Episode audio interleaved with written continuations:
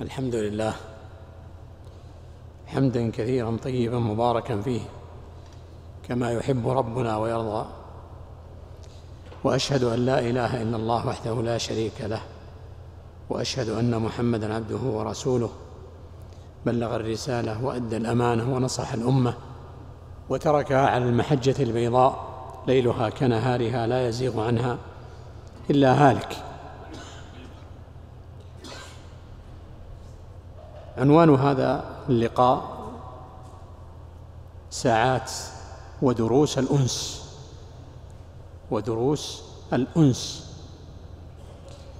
دخلت أحد المساجد فرأيت عجبا من أحوال الداخلين والمنتظرين للصلاة فهذا يقلب جواله وذاك قد استند إلى عمود أو جدار. واستجلب همومه.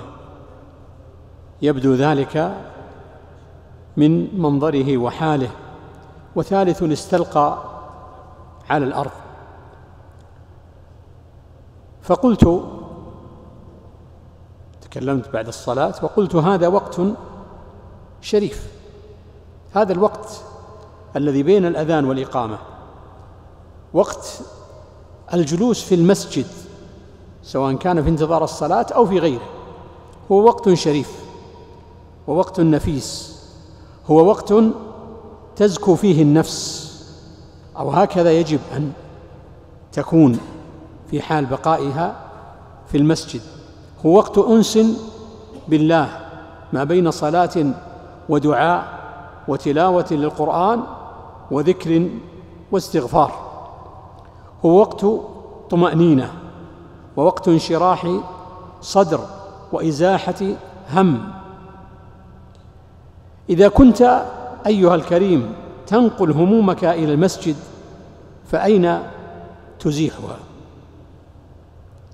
إذا كنت لا تخلو بربك في بيته فمتى تخلو به؟ من لم يكن أنسه بالله فبأي شيء, يأنس؟ تذكرت موقفا لرجل جاء من بلاد بعيدة جاء إلى مكة وبينما هو في الحرم رأى شرطة الحرم قد قبضوا على شخص فسأل ما شأنه؟ قالوا سارق الذين يسرقون من الناس. فذهب خلفهم حتى دخلوا مكتب الشرطة وقال اسمحوا لي أن أقول لهذا الرجل كلمتين. قالوا تفضل. لعل الله أن ينفع بها. قال له يا أخي الناس تذنب في كل مكان وتأتي إلى هذا المكان تغسل ذنوبها.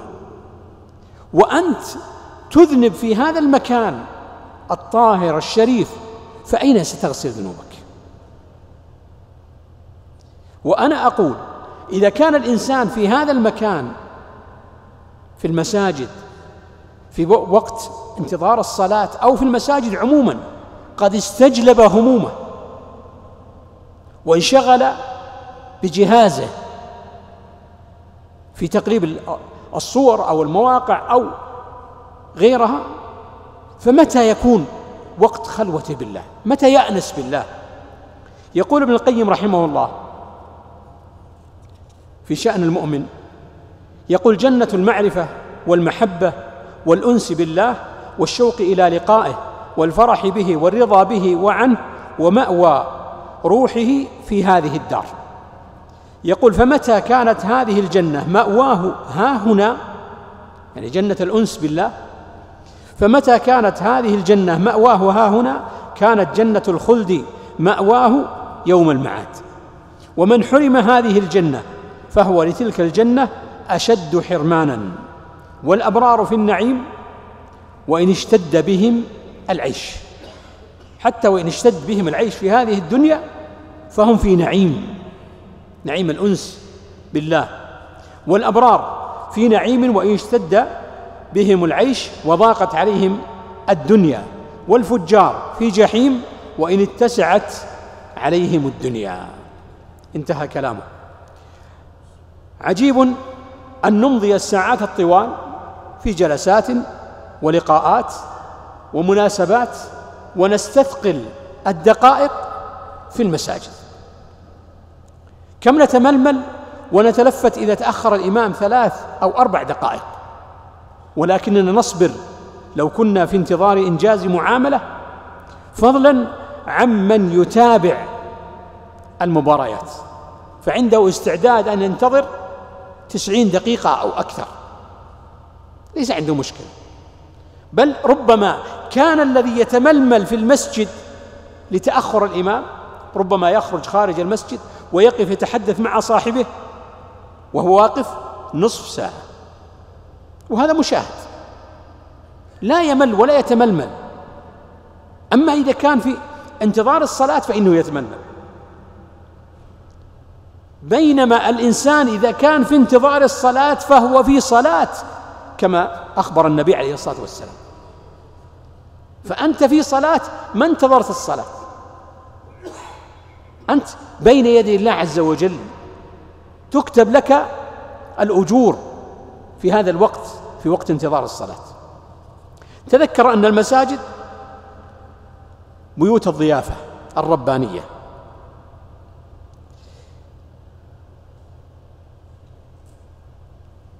تذكر أن من توطن المساجد وألفها فرح الله به وأكرمه وفتح له أبواب رحمته. يقول النبي صلى الله عليه وسلم من غدا إلى المسجد أو راح أعد الله له نزله كلما غدا أو راح قال ابن رجب والنزل هو ما يعد للضيف عند نزوله من الكرامة والتحفة. فأنت في ضيافة الله عز وجل إذا كنت تنتظر الصلاة.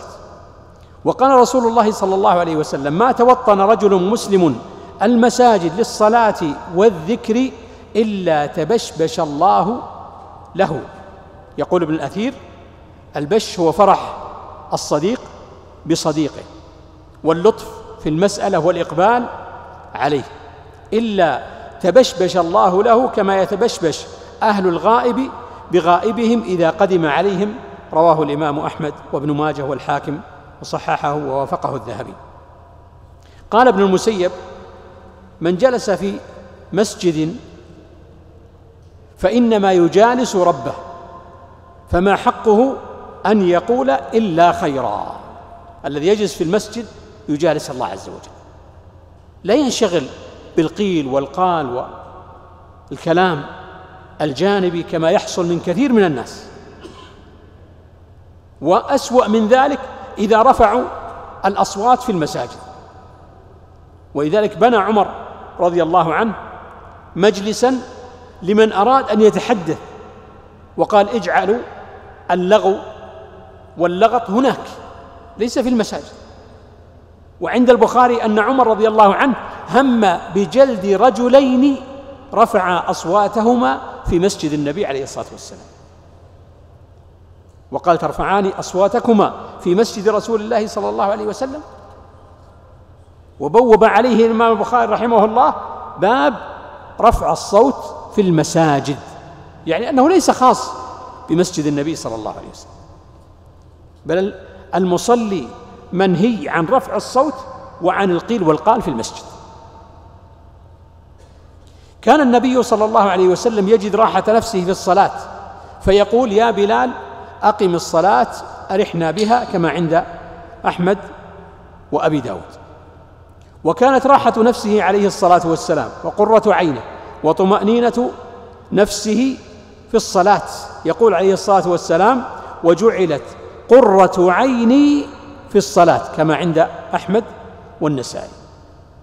تقر عينه عليه الصلاة والسلام. وترتاح نفسه وينشرح صدره بالصلاة. لم يكن مستعجلا عليها ومتى تقضى لينصرف؟ يقول بعض الأفاضل الذي يستعجل في الصلاة لينصرف ليتذكر أنه ما استعجل على شيء إلا وهو بيد الله عز وجل. فأنت تستعجل على شيء هو بيد من تستعجل على الخروج من بين يديه من بين يدي الله عز وجل. وكان للنبي صلى الله عليه وسلم ساعات يخلو فيها بربه. قال ابن عمر رضي الله عنهما وحدثتني أختي حفصة أن النبي صلى الله عليه وسلم كان يصلي ركعتين خفيفتين بعدما يطلع الفجر. قال وكانت ساعة لا أدخل على النبي صلى الله عليه وسلم فيها. رواه البخاري. وربما قام النبي صلى الله عليه وسلم من الليل قياما طويلا في المسجد كما في حديث حذيفة وحديث ابن مسعود وهما في صحيح مسلم. وله صلى الله عليه وسلم ساعات ينشغل فيها بالذكر فلا يكلم أحدا. قال سماك بن حرب قلت لجابر بن سمرة أكنت تجالس رسول الله صلى الله عليه وسلم قال نعم كثيرا. كان لا يقوم من مصلاه الذي يصلي فيها الصبح أو الغداة يعني صلاة الفجر حتى تطلع الشمس. فإذا طلعت الشمس قام. وكانوا يتحدثون فيأخذون في أمر الجاهلية تذكرون أمر الجاهلية ومن من الله عليهم بالإسلام وكيف كانوا في الجاهلية؟ قال فيضحكون ويتبسم رواه مسلم. وكان الصالحون يتنافسون في الخيرات ويستبقون إلى الجمع إلى الجمع والجماعات. وفي الحديث المتفق عليه لو يعلم الناس ما في النداء والصف الأول ثم لم يجدوا إلا أن يستهموا عليه لاستهموا. أي تكون بينهم قرعة على الصف الأول من شدة المنافسة أن يكون هناك اقتراع. ولكن المشاهد أن المنافسه إن منافسة الناس في أمور الدنيا. أما أمور الآخرة فقل أو يندر من ينافس فيها. يقول الإمام الشافعي رحمه الله من نافسك في الآخرة فنافسه فيها ومن نافسك في الدنيا فارمها في صدره. قال ابن العربي المالكي وأما قوله لاستهموا عليه أي على النداء وعلى الصف الأول فيتصور قال فيتصور الاستهام على الصف الأول عند ضيقه وإقبال الرجال إليه في حالة واحدة. يعني إذا جاءوا جميعا وتنافسوا عليه. ولذلك لما سئل الإمام أحمد رحمه الله قال له رجل أدخل أنا وأبي وفي الصف الأول فرجة. لا تكفي إلا لرجل. فإما أن أدخل أنا وإما أن أقدم أبي. فسكت الإمام أحمد رحمه الله. ثم قال أرى أن تقدمه في غيرها. أن تقدم والدك في غيرها. وأما هذه فلا تقدمه لأن هذه من أمور الآخرة التي ليس فيها إيثار. الإيثار يقع في أمور الدنيا لكن لا يقع في أمور الآخرة. ما تؤثر غيرك بعمل الصالحات ما تؤثر غيرك بالصف الأول. قال ابن العربي وأما تصور الاستهام في الأذان فمشكل. يعني كيف يكون استهام في الأذان وهناك مؤذن؟ إنما يكون هذا إذا لم يكن هناك مؤذن راتب. قال وقد اختصم قوم بالقادسية في الأذان. يوم القادسية اختصموا في الأذان وأيهم يؤذن؟ قال فأقرع بينهم سعد. يعني سعد ابن أبي وقاص لأنه كان هو القائد يوم القادسية. تنافسوا حتى أجريت بينهم القرعة. أيهم يؤذن؟ ما كان أحد منهم يؤثر أحدا بنصيبه من الله. أيها المبارك استقطع من وقتك لراحة قلبك. فإذا فرغت فانصب وإلى ربك فارغب. وفي حكمة آل داود حق على العاقل ألا يغفل عن أربع ساعات يعني أربعة أوقات. ساعة أو ساعة يناجي فيها ربه عز وجل. وساعة يحاسب فيها نفسه وساعة يفضي فيها إلى إخوانه الذين يخبرونه بعيوبه ويصدقونه عن نفسه. وساعة أو ساعة يخلي بين نفسه وبين لذاتها فيما يحل ويجمل. فإن هذه الساعات عون على الطاعة وإجمام للقلوب. وحق على العاقل أن يعرف زمانه ويحفظ لسانه ويقبل على شأنه. كل هذا جاء في حكمة آل داود. وحق على العاقل ألا يضعن إلا في ثلاث. لا يرحل إلا في ثلاث. زاد لمعاده كالذي يسافر للطاعات الحج أو العمرة صلة الرحم ونحو ذلك. ومرمة لمعاشه يبحث عن العيش عن لقمة العيش. ولذة في غير محرم جاء هذا في الزهد لابن المبارك والزهد لهناد. أتذكر كلمة قالها أحد المشايخ الفضلاء وهو يتكلم عن أوقات النهي. قال هل شعرت بأن هذا الوقت وقت النهي؟ يخاطب به أناس عندهم حرص بالغ على الصلاة حتى يقال لهم لا تصلوا في هذه الأوقات. قال فمتى تذكر أنك يوم من الأيام اشتقت إلى الصلاة فقمت من غير سبب؟ وتوضأت وصليت ركعتين في غير أوقات النهي. يعني تذكر يوم من الأيام أنك كنت جالس بين الظهر والعصر فاشتقت إلى الصلاة فقمت فصليت. تذكر يوم من الأيام أنك جالس بين المغرب والعشاء فاشتقت إلى الصلاة فقمت فصليت. قال الصحابة رضي الله عنهم كان عندهم هذا الشوق لدرجة أنه يقال لهم لا تصلوا في هذه الأوقات. وقت كذا وقت كذا وقت كذا أوقات النهي هذه لا تصلوا فيها. لأن عندهم شوق للصلاة. ويدل على هذا أن النبي عليه الصلاة والسلام والصحابة رضي الله عنهم كانوا يصلون في السفر وهم على الدواب. مشقة السفر وعلى دابة ومع ذلك يصلون. جاء هذا في الصحيحين جاء عن أنس وجاء عن غير عن غيره من الصحابة رضي الله عنهم. يعني يحبون الصلاة يحبون يأنسون بها يشتاقون إليها. فأذكر أنني سمعت هذا الكلام من أحد المشايخ الفضلاء فتأثرت والله به. تذكر يوم من الأيام أنك اشتقت إلى الصلاة. فقمت تصلي من غير سبب. كما يقول بلال رضي الله عنه كما في الصحيحين ما توضأت وضوءا إلا صليت بذلك الوضوء ركعتين. هذا الشوق أوصله إلى الجنة وهو يمشي على الأرض. يقول له النبي عليه الصلاة والسلام سمعت صوتا عليك في الجنة دفا عليك في الجنة. هذا الاشتياق للصلاة والأنس بالله عز وجل جعلهم يأنسون بالله عز وجل ينسون مشقة السفر وهم على الدوام. كم نحرص ونعتني بغذاء الأبدان ونهمل غذاء الأرواح.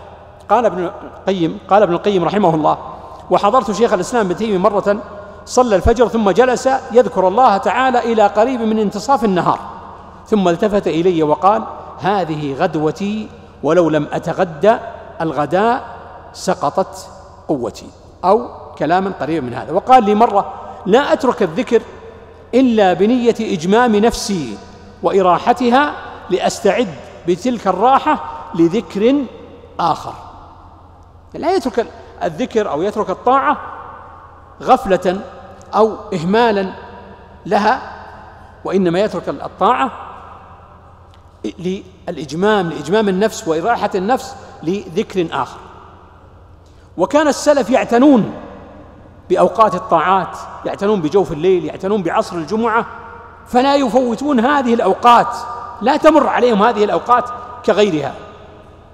كان طاووس بن كيسان إذا صلى العصر يوم الجمعة استقبل القبلة ولم يكلم أحدا حتى تغرب الشمس.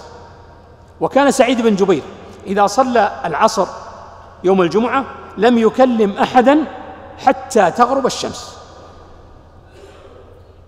قال ابن القيم رحمه الله وهذه الساعة هي آخر ساعة بعد العصر يعظمها جميع أهل الملل. يعظمها جميع أهل الملل. فهذه أوقات يجب أن تأنس بها النفس وينشرح بها الصدر وتطمئن بها الروح تسمو بها الروح. هذه الأوقات الفاضلة ينبغي على المسلم أن يعتني بها. أسأل الله سبحانه وتعالى أن يردنا إليه ردا جميلا. اللهم اشف مرضانا وعاف مبتلانا وارحم موتانا. اللهم فرج هم المهمومين ونفس كرب المكروبين واقض الدين عن المدينين. جزاكم الله خير الجزاء وأحسن الله إليكم والله أعلم. وصلى الله وسلم على نبينا